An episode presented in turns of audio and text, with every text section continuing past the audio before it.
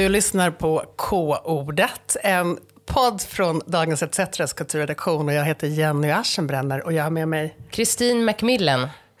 Och jag tänkte börja med att jag skulle läsa en liten dikt för dig, Kristin. Oj, oj, oj, nu blir det P1-kultur här. Nu blir det P1-kultur. Dagens dikt. Eller en strof kanske vi ska ja. kalla det för. Okej, lyssna. Tusentals ton av balkonger, väggar och hissgropar har lyfts med travers från dina gjutformar och blivit en del av Sveriges infrastruktur. Är det där svårt att förstå, tycker du? Alltså, då har jag en fil. kand i litteraturvetenskap, så nej. Men jag tror faktiskt inte att det är så särskilt svårt för någon annan heller. Möjligen om det är konstig radbrytning kan ju folk hänga upp sig på, men annars inte. Nej, det är en vanlig mening. Det där skulle kunna vara en del av en nyhetsartikel. Eller hur? Ja. Det är mer hur man läser den. Nu försökte jag läsa den lite så här poetiskt ja. så att man skulle förstå att det var poesi. Wow. Ja. Bruno K. Öijer, välkommen till podden. Tack, tack, tack. tack. Ja. Men det här var då inte Bruno K. Öijer utan den omdebatterade, eh, omdiskuterade, hyllade och hatade kommunpoeten från Tranemo, Jimmy Alm. Mm. Som har skrivit detta om en av kommunens nedlagda fabriker. Och han har också uttalat sig i intervjuer och sagt att så här, han vill verkligen bli förstådd. Och han säger så här, jag är som alla andra, jag gillar hockey och och jag vill skriva så att folk förstår. Eh, och därför vill han också bli kommunpoet. Mm. Eh, vad säger du, alltså så här, finns det någon, han säger också så här, jag vill hellre vara banal än svårförståelig. Men uh. finns det något, du sa så här, det låter nästan som en nyhetstext. ja. Liksom, är det inte lite så att det finns någon konstig liten gräns där man bara, jaha, men varför kallar det för poesi då? Ja, det, eh, det där tangerar absolut den gränsen. Nej, men vadå, det finns ju hur mycket bra eh, poesi som helst som är väldigt lättillgänglig. Kristina Lugn till exempel. Bodil Malmsten. Ja, ja, ja, det, det är nej, men Här handlar det väl snarare om eh, kvalitet och att det ska vara någon slags eh, litterär förtätning. Eh, så, ja. Ja, och, då en... och det tycker jag inte att den där dikten hade om jag ska vara helt ja, ärlig. Det kan, vi kan ju vara orättvisa, ja. det är en liten strof. Men fair enough. Då ska vi eh, ta min andra exempel här som man säger är den andra änden. Nämligen en kille som inte var jättemycket för att tangera på gränsen till det banala för att hellre vara lättförståelig. James Joyce. Han är ju ökänt, del, alltså han har skrivit romaner som också går att läsa som vanliga romaner, men han är också delvis ökänt snårig. Att läsa hans Odysseus är lite grann som en så här machotest bland så här unga svartklädda, framförallt snubbar. Bara, Tjena, har du läst hela Odysseus eller? Det är lite som att så här, klättra upp för Mount Everest, eller hur? Mm, du som också har läst litteraturvetenskap. Absolut. Eh, och i veckan kom då en väldigt eh, ändå fnissig nyhet, nämligen att Hans ännu mer svårtillgängliga bok Finnegans Wake nu har kommit ut på svenska och att samma översättare, Bertil Falk, har arbetat med denna bok i 66 år. Åh Bertil, gud vad gulligt. Han har kämpat. Nu kommer den ut och den vill inte ens kallas för en översättning utan ordet de använder är en, eh, nu ska vi se om jag hittar den, motsvariggörande. Oh. För att den här prosan är så pass underlig och snårig och svårtillgänglig så att det inte ens går att översätta. Han har liksom gett upp, men gjort, gett ut någon typ av version ja. av det som då heter Finnegans likvaka. Och han är citerad i P1 Kultur, han säger så här, många kallar det här för ett mästerverk. Jag håller inte med. Och ändå har han suttit med det här. Gud, vilken mysig gubbe och vilken litterär maratonlöpare får man verkligen säga, eller hur? Själv var jag så, så här, åh gud vad jobbigt att skriva en C-uppsats. Det är liksom inte värt tiden det tar. Och han håller på, sa du 66? I 66 år. Nej men det är hela han hans liv. Han började 1955. Räknis, vänta. Nej, men så bra är vi inte på matte. Nej, nu blev det mm. komplicerat. Eh, men jag fick ändå en tanke av att så här, det här ändå på något sätt uh, aktualiserar den här frågan om så här, är det liksom extra coolt med litteratur som är väldigt svår att förstå? Eller är det bara tecken på dramaturgisk slöhet och tom pretension när man krånglar till språket? Den här debatten har ju pågått fram och tillbaka, det har gått lite olika vågor. Man tänker så här, ja förstås modernismen, så var det plötsligt hamnar språket i centrum. Man kan kämpa ganska mycket med att försöka läsa Virginia Woolfs Vågorna till exempel, och så kan man känna sig lite tuff när man kommer ut på andra sidan. Sen kommer ju någon 60-70-talslitteratur av att allting, alla ska förstå allting, det ska vara super tydligt, det ska helst inte vara någon undertext, det som står är det En som står. demokratisering av skönlitteraturen nästan. Mm. Ja men absolut. Ehm, och i, även i svensk debatt på senare år så har det ju kommit upprop från författare som tycker så här att ofta lite så här halvmedelålders författare som kanske börjar bli lite bittra över att deras hopknåpade romaner inte säljer riktigt så bra som de hade hoppats eller att de inte får sitt internationella genombrott eller blir filmatiserade. Eller funkar så bra som ljudböcker kan ju vara ett annat problem. En Mm. annan aspekt. Men som då också går ut till försvar för den liksom så här rediga berättelsen, dramaturgin och så här skäller på sina då 10-20 år yngre kollegor som debuterar med gärna lite språkexperimentella, knepiga böcker där absolut ingenting händer.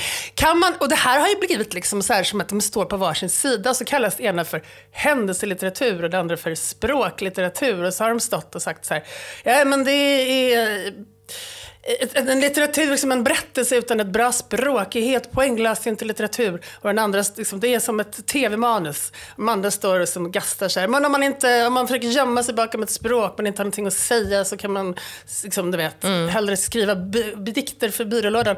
Men är det här en debatt som egentligen överhuvudtaget går att föra, tycker du, Kristin Macmillan, litteraturvetare? Nej, utan ja, det är klart att det går att gömma sig bakom ett snårigt språk. Men vissa saker går heller inte att säga säga utan att eh, ja, krångla till det lite. För att det man beskriver kanske är komplext, eller hur? Eh, och vissa saker går att göra eh, väldigt enkla och det är också en otrolig konst att smälta ner någonting stort till en, eh, en, liksom en kärna av någonting. Och det är vissa andra jättebra på. Så att det, det, nej, jag tycker, att, eh, jag tycker inte att det är två, även om det, det låter så i debatten, så borde det inte vara två här, läger här egentligen, utan det handlar väl om liksom, och kvalitet och också smak. Mm. Men det finns ju också någonting i synen på läsning. Att vad som anses vara en fin läsning är nästan en läs... Alltså så här, att, att när man läser en bok, jag tänker att inte som i en läsning som i tolkning. Det är ju att man liksom bara, åh vilken underbar rytm och vilken spännande undertext när man läser. Snarare än att man dras med i berättelsen. Och det har ju alltid varit lite så här banalt. Liksom bilden av så här någon som bara så här forsar igenom böcker för att de är så himla spännande och härliga. Till skillnad från den här då lite upphöjda läsningen där man knappt liksom, oj oj, hände det någonting också? Jag Men tänkte gud- mera på, Gud vad på rytmen mellan stroferna. Ja, men gud vad enkelspåriga folk är. Snälla, jag tycker att det finns otroligt många olika kvalitetsmarkörer som kan finnas i litteratur eller i film eller så. Vissa verk tycker jag är fantastiska för att de är underhållande. Nej, det kanske inte sa jättemycket om livet, men jag blev underhållen. Det är en kvalitet. Ibland kanske jag tycker att en, en eh, historia, själva vad det handlade om, var jättebra. Eh, och ibland är det språket. Ugh, alltså, det... Ja, det kan vara olika. Men det kanske också handlar om en sorts ängslighet. Jag tänker att litteratur är en sån sjukt bred konstform. Mm. Så att man liksom måste definiera sig, vilken, om man nu så gillar böcker, så kan, måste Och man hävda sin rätt. Så kan man säga så här, jag gillar litteratur och då menar man någonting annat, Mm. eller vill påstå sig mena, med någonting annat än om man säger, jag gillar att läsa tjocka romaner. Själv vill jag både och. Eh, inte för att låta som att jag är en kille som bor i Malmö och har dreads. Och nej! Men jag var på stand-up i veckan och såg föreställningen Sämst med komikerna Jonathan Unge, Branne Pavlovic och Ahmed Beran. Personlig favorit, självklart Jonathan Unge. Välkänd från ungefär alla poddar i hela Sverige och alla lekprogram på TV. Jag har några observationer. Vill du hänga med? Absolut. Ja, ja, ja. Eh, det, observation nummer ett är att det märktes verkligen på Jonathan Unge att han har mycket nu. Han läste till exempel högt sitt manus i mobilen eftersom han hade glömt vad han skulle säga. Och det, detta var inte ett grepp, måste jag då få inflika. och fråga. Man vet aldrig. Nej, jag, jag tror faktiskt inte det. Inte den här gången. Men det passar ju hans persona. Jag ska återkomma till det. Eh, han hade vissa skämt som han inte hade orkat uppdatera. Showen hade ju skjutits upp så många gånger under pandemin så att det här materialet kanske hade skrivits för två år sedan. Så att eh, ett skämt gick utgick, från att Jonas Sjöstedt fortfarande var Vänsterpartiets Nej, men partiledare. det- det är Nej, men inte det är okej. Det är Jo, det är okej. det är okej. Eh, Jonathan Unge var svettig och stirrig och han skojade om att han hade varit vaken i 56 timmar efter ett tjackrace, men sen försökte balansera upp det med lite benzo och så. Jättekul. Hans Alltså han kommer ju också insläpande på något slafsigt sätt. Han har väldigt roligt kroppsspråk med ena eh, handen så här lite i midjan som en förnärmad tant. För kort skjorta, lägsta knappen uppknäppt så att man såg kalsongerna och lite mage och så. Men det, ja, det, är, det är Jonathan Unge, han kommer ju undan med vad som helst. Och det här är också bra för hans comedy. Man vill så gärna, man vill honom väl. Eh, roligast, det var Jonathans Unges om, eh, snack om hur bra han svarar på läkemedel. Ett sånt roligt skryt. Eh, bland annat sa att han kommer hårdare på SSRI. Alltså, alla andra är så här, ah, jag äter antidepressiva och så här, det är ju jättebra för jag mår bättre, men orgasmen är inte detsamma. Så brukar det låta. Han sa också att om han skulle få cancer så hade det blivit så jobbigt för att han hade liksom fått mer hår av strålbehandlingen. Ja, Alltså, så bra svarar han på läkemedel. Jättekul. Eh, observation nummer två, det var att alla skämtade om Soran Ismail. Kan du förstå det? Mm, jag kan förstå det. Han har ju legat och bubblat under, eh, på något sätt, oh, under ytan på en massa olika saker som händer i kulturen just nu. Och Mm. lite så här tabuaktigt att nämna hans namn. Men nu gör du det, hjälp. Jag är Ja, nervös. ja, ja. ja. Men, Nej, men det ja. skojades, när det skojades om samtycke om tjejer att ragga eller ha sex, då kastades Soran eh, Ismail in. Typ, ja, jag gillar inte minderåriga tjejer, jag är ju inte Soran, punkt, punkt, punkt. Den typen av, av skämt. Men är det här också att de vill markera att de inte tillhör så här komiker arsle Ja, det tror jag absolut. Vi, vi ska ju säga det att Soran Ismail är inte dömd för våldtäkterna som han har anklagats för. Men det är tydligt att han har blivit ett stående skämt och att det är så väldigt tacksamt att ha honom som en referens. Och det skulle inte förvåna mig om komiker i Sverige liksom har ett uppdämt behov av att eh, få pika honom lite. Eftersom han innan metoo var så oerhört uppburen och sönderkramad. Åh, han har så bra moral, sådan! Eh, och nu så, eh, ja, skäm, de som skämtar om honom nu måste ju ha sett ett och annat. Kanske till och med varit en del av ett sånt sammanhang där man inte har sagt nej. Men ja, det är tacksamt att ha då en douchebag-referens som alla känner till. Min sista observation, och det här är en språkspaning för dig Jenny och alla andra trendkänsliga eh, poddlyssnare där ute. Och det är att ordet dunder användes väldigt mycket. Särskilt av komikern Ahmed Beran. Alltså, det är på väg tillbaka som ett... Vad underbart. Jag, Jag älskar Ja. gammalt Ja, slang. ja. Jag brukar prata som en sån konstig 70-tals eh, ibland. Det här är underbart. Hur, hur låter det då? Snälla.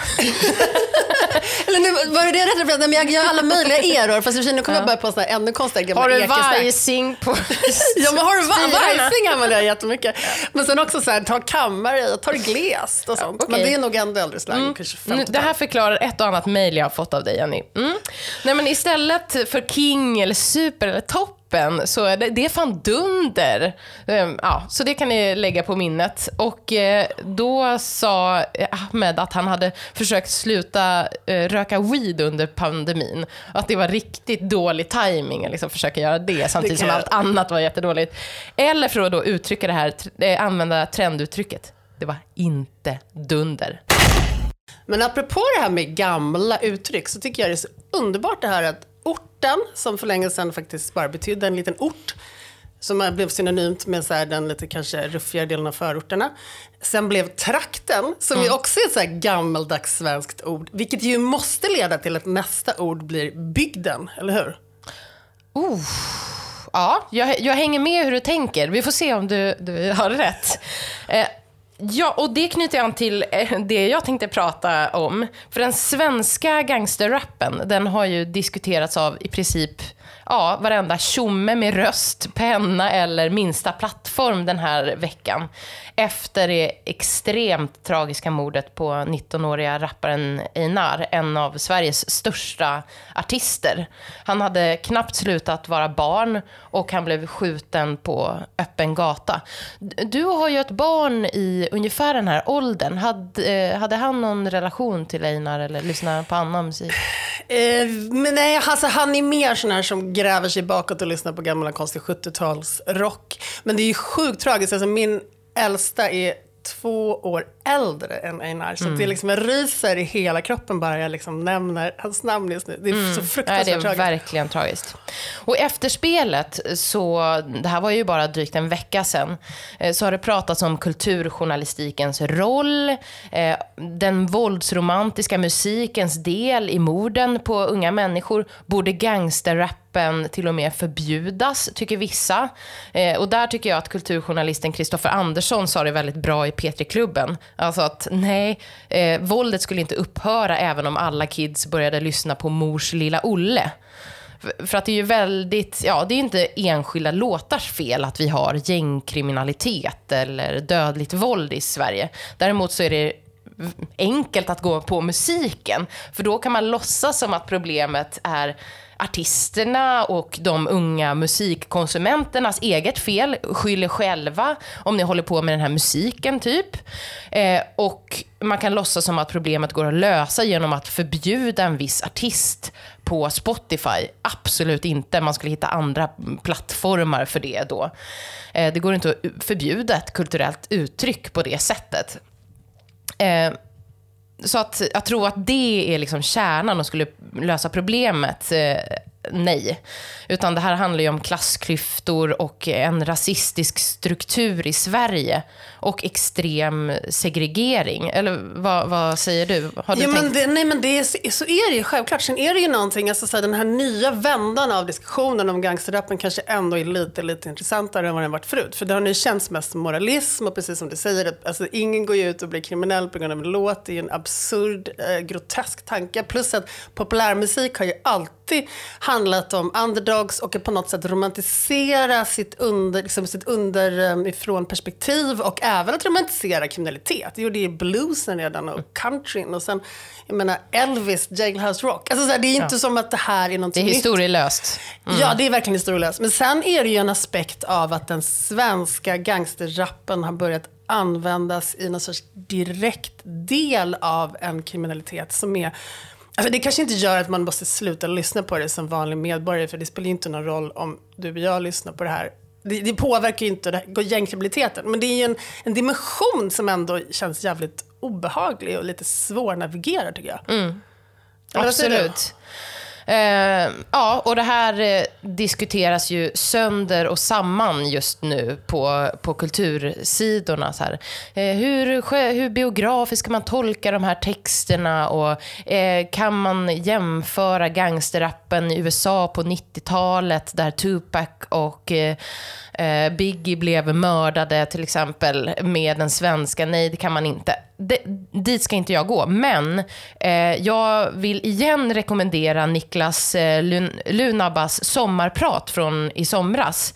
Han som har eh, grundat föreningen Hela Malmö. Och, ja, det han pratar om i det är att morden på unga är konsekvenser av det samhälle vi har skapat. Alltså det kan inte sägas många gånger nog. Eh, men om man är intresserad av hur hiphopkulturen har växt fram i Sverige och hur den har förhållit sig till samhällsförändringarna, då har jag sett ett nytt eh, program på SVT. Den svenska hiphopens pionjärer. Har du hunnit kolla på den? Jag har inte hunnit kolla, men jag är väldigt sugen. Jag är sugen på att återse Feven till exempel. Hon är med! Ja, de, jag vet! Ja, de har lyckats faktiskt, efter 20 år av tystnad, så har de lyckats få en intervju med henne i den serien. Du måste berätta, vad säger hon? Ja, nej men... Eh, för att hon var ju jätte, jättestor. Den största, eh, mm, i och för sig, Leila K var ju, var ju, kom ju före henne. Men i vågen med Petter och Ken och dem så var Feven den stora liksom, eh, tjejen bland dem. Och eh, sen bara försvann hon utan att berätta varför. Och nu har de fått en intervju 20 år senare. Hon, var så, hon gjorde en skiva och, sen, Ja. och den var så stor. Ja. Och eh, man bara kände så här, framtid, framtiden för svensk kvinnlig, liksom, Ja. kvinnor också. Sen har det ju kommit Ja. många tjejer efter det. Så att på ett sätt var hon ju den pionjären. Men hon försvann. Ja. Ja. Varför Nej. försvann hon? personliga familjeskäl som hon inte kunde gå in i. Ja, tyvärr. Eller, det, har hon ju all rätt såklart eh, att göra. Men man, man blev inte jättemycket klokare. Däremot så var det ju väldigt fint att se henne och hennes energi igen. Um, Jo, men det handlar i alla fall om hur hiphopen gick från en smal subkultur med New York-influenser till att bli den mainstream-genre som det är i Sverige och idag. Eh, och om artisterna som har präglat svensk hiphop och förortsrap idag. Det var ett sånt gulligt litet gäng i Kungsträdgården, så här, bredvid typ Paolo Roberto. Det är samma tid här, i slutet på 80-talet, som dansade breakdance och DJade och försökte rappa som sina amerikanska idoler med mycket fram- varierande framgång, kan man säga. Och till explosionen av svensk rap i slutet av 90-talet med Petter då som posterboy. Och att det, det var inte så konstigt att, eh, att den stora vågen kom just med honom som en så här modell, snygg kill, medelklasskille från Södermalm. Då blev hiphopen på verkligen inbjuden Och, i in- värmen. och där känner man, man man inte heller känna någon rädsla om man nu tänker att så här, det uttryck som kommer nu kanske på ett sätt, alltså förutom att det skildrar någonting som är fruktansvärt och vidrigt så kan man också tänka att det faktiskt också finns någonting, ett genuint behov av att uttrycka sig från periferin av det svenska samhället. Men det upplevs ju också så mycket mer hotfullt. Men nu när det är så väl etablerat som genre så, så kommer den ändå in. Liksom. Verkligen. Eh, det finns några utropstecken i den här serien. Dels så visar den med all önskvärd tydlighet att hiphop inte är någon ny kulturform i Sverige. Som jag ändå tycker att vissa kulturskribenter nu i, i diskussionen kring kulturjournalistikens roll i det här har antytt att så här, nej men vi har ju bättre koll på litteratur och så här. Men det här det är, liksom, det är på 80-talet, det är Ja men 30 herregud, år jag sedan. har ju vuxit upp med det här. Det Verkligen. har funnits länge. Och eh, 89, då fick eh, eh, Sverige en europeisk eh, rap-hit med Leila K och Robin Rass. Och det var så himla intressant att se hur gamla arkivbilder på hur hon möttes av medierna. Hon hade rymt hemifrån och, och sådär. Och hon möttes med en sån socionomblick av de som intervjuade henne. inte det är väldigt intressant? Det är intressant, men då blev jag plötsligt intresserad återigen av, av liksom bemötandet av gangsterrappen idag. Mm. Alltså så här, lite mer gammal svensk hederlig um, socionomblick kanske vi ska ha på de här ungarna. Alltså så här, hur mår du vännen? Mm. Snarare än vare sig fördömande eller ignorerande av, av verkligheten som ligger bakom. Eller? Ja. Kanske inte som nej, journalister, men nej. från liksom samhällsdebatten. Ja, i samhällsdebatten, ja, absolut. Men ehm, sen fick man också en tillbakablick på rasismen i Sverige och hur hiphopkulturen förhöll sig till den på 90-talet. Och då var det skinheads, nynazister, Ny Demokrati, vars partiledare Vivian Franzén stod på torg och sa “Hur länge dröjer det innan våra svenska barn ska vända ansiktet mot Mecka?” Alltså, Ja, när man, ja, det är ju bara... När man ser det där så är det så tydligt att eh, det rasistiska samtalet var mycket mer öppet. Mm. Eh, så in your face, samtidigt som vi idag har ett rasistiskt parti i riksdagen. Ja men det var ju Ja. farligt på gatan på den Ja. tiden. Det har man ju nästan glömt. Ja. Alltså vissa delar av stan kunde mina vänner som inte hade helsvensk bakgrund, de vågade inte vara där. Och. Mm. det var ställen som Mariatorget, alltså mitt i centrala så här, Stockholm, Södermalm, där man kunde få spöskinhead. Och föräldrar var jätteoroliga för att lasermannen John Ausonius, han sköt ju 11 personer eh, vid olika attentat. Alla hade mörkt hår eller mörka ögon och så. Och ur den här politiska kontexten föddes eh, Latin Kings. Eh, och de var ju verkligen tonåringar som hade växt upp i miljonprogrammen i olika delar av Botkyrka och rappade om krossa rasismen, för, om fördomar och liksom samplade Olof Palme och, och sådär. Eh, men där finns en grej som jag nästan alltid tycker underskattas pratas när det pratas om den eh, svenska rappen. Och det är lekfullheten och humorn. Alltså, eh, och den fanns ju också, eller finns i Einars eh, eh raptexter. Det är lätt att man så här, lä läser allting bokstavligt, men det finns ju, det är en lek med roller alltid. Eh, och jag minns när jag, eh, jag var tio år när Latin Kings första platta kom. Och jag låg på golvet och vred mig av skratt för att det var, alltså det är tunga texter. Absolut handlar det om liksom att ha kompisar som åker in i finkan och så vidare.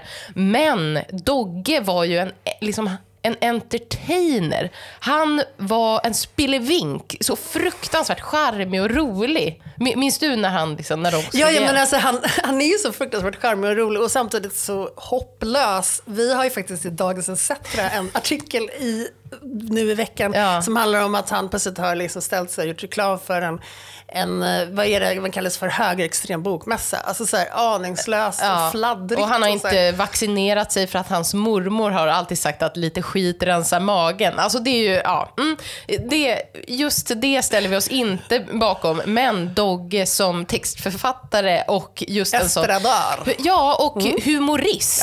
Eh, Det tycker jag det borde pratas mer om. Men du, det här snacket om att inte sälja ut. Gud vad det var stort på 90-talet. Och, och gud vad det har försvunnit Mm. Ja, nu. Sell out. Sellout. När hörde man det senast? Jo, men ett tag när olika artister började göra så här reklam för Huawei, vänta, mobil, kine, vet du, kine, jag kan inte uttala Ja, kinesiska Huawei. mobil, Huawei och sådär. Det, det händer ju. Eh, eller någon Volvo-reklam som har väldigt omdebatterat. Men absolut, det är ju inte alls... Så här, det ska ju till att man gör reklam för ett rent upp och ner, rakt upp och ner nästan ondskefullt företag. Ja. Det räcker ju inte att man typ ställer upp i något kommersiellt tv-program, för så var det ju då. Om man skulle vara med i Så mycket bättre. Så mycket bättre. Ja. ja Ja, nej, men det, det, jag saknar, saknar dig, eh, snacket om att vara en sellout. Eh, Lyssna, liksom, influencers, eh, lyssna på det här nu, ty, tycker jag. Eh, vi kan ta tillbaks det, det tycker jag. Eh, och min sista spaning är mycket ytlig. Nu, märks, nu kommer det märkas att det här är en, liksom, en tung kulturpodd att räkna med. Gud vad DJ Sleep har åldrats väl. Ah. Oj, oj, oj, oj, oj. Nej, men det var inte nådigt. Det Okej, är grånat skägg, det är grånat stubb och så oerhört, dels ett sånt katalogminne, en svensk hiphop-historiker som har varit med liksom, från den här scenen i, scenerna i Kungsträdgården. Men sen också har varit så Tänk att vara Petter och ha den här DJn bakom sig som en trygg, eh, trygg person utan hävdelsebehov. Mm, han är som en så här, kon, vet du, så här, eh, rådgivare, liksom, eller mentor eller någonting bakom. Då var ju maktförhållandet mellan dem helt omvänt för att det var Sleepy som, som, var, som bottnade den här kulturen och hade varit med längst och så. Och Petter var uppkomlingen som bara “snälla Sleepy kan du DJa när jag kör live?” och, och Sleepy bara “ja, ja, ja, okej grabben, vi kör”. Men nu är det ju, liksom, nu är rollerna eh, bytta. Men eh, det var, ja, nej men jag blev Han lite håller stilen på ytan och insidan. Är det det det- Verkligen mysigt. Och jag blev sugen på att så småningom lista eh, kultur-Sveriges hetaste män. Men det, det får vi ta senare i höst. Ja, Okej.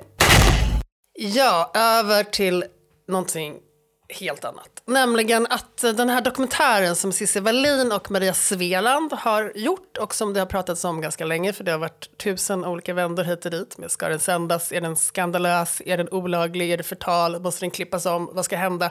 De rättslösa, den har nu sänds i SVT. Eh, ingen har stämt någon än så länge vad jag har sett i alla fall efter det här.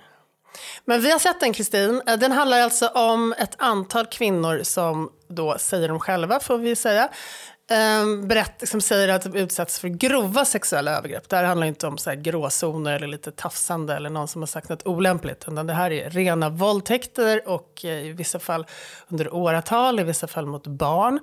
Ehm, det är fruktansvärda berättelser. Vad de har gemensamt är att deras gärningsmän inte har blivit fällda.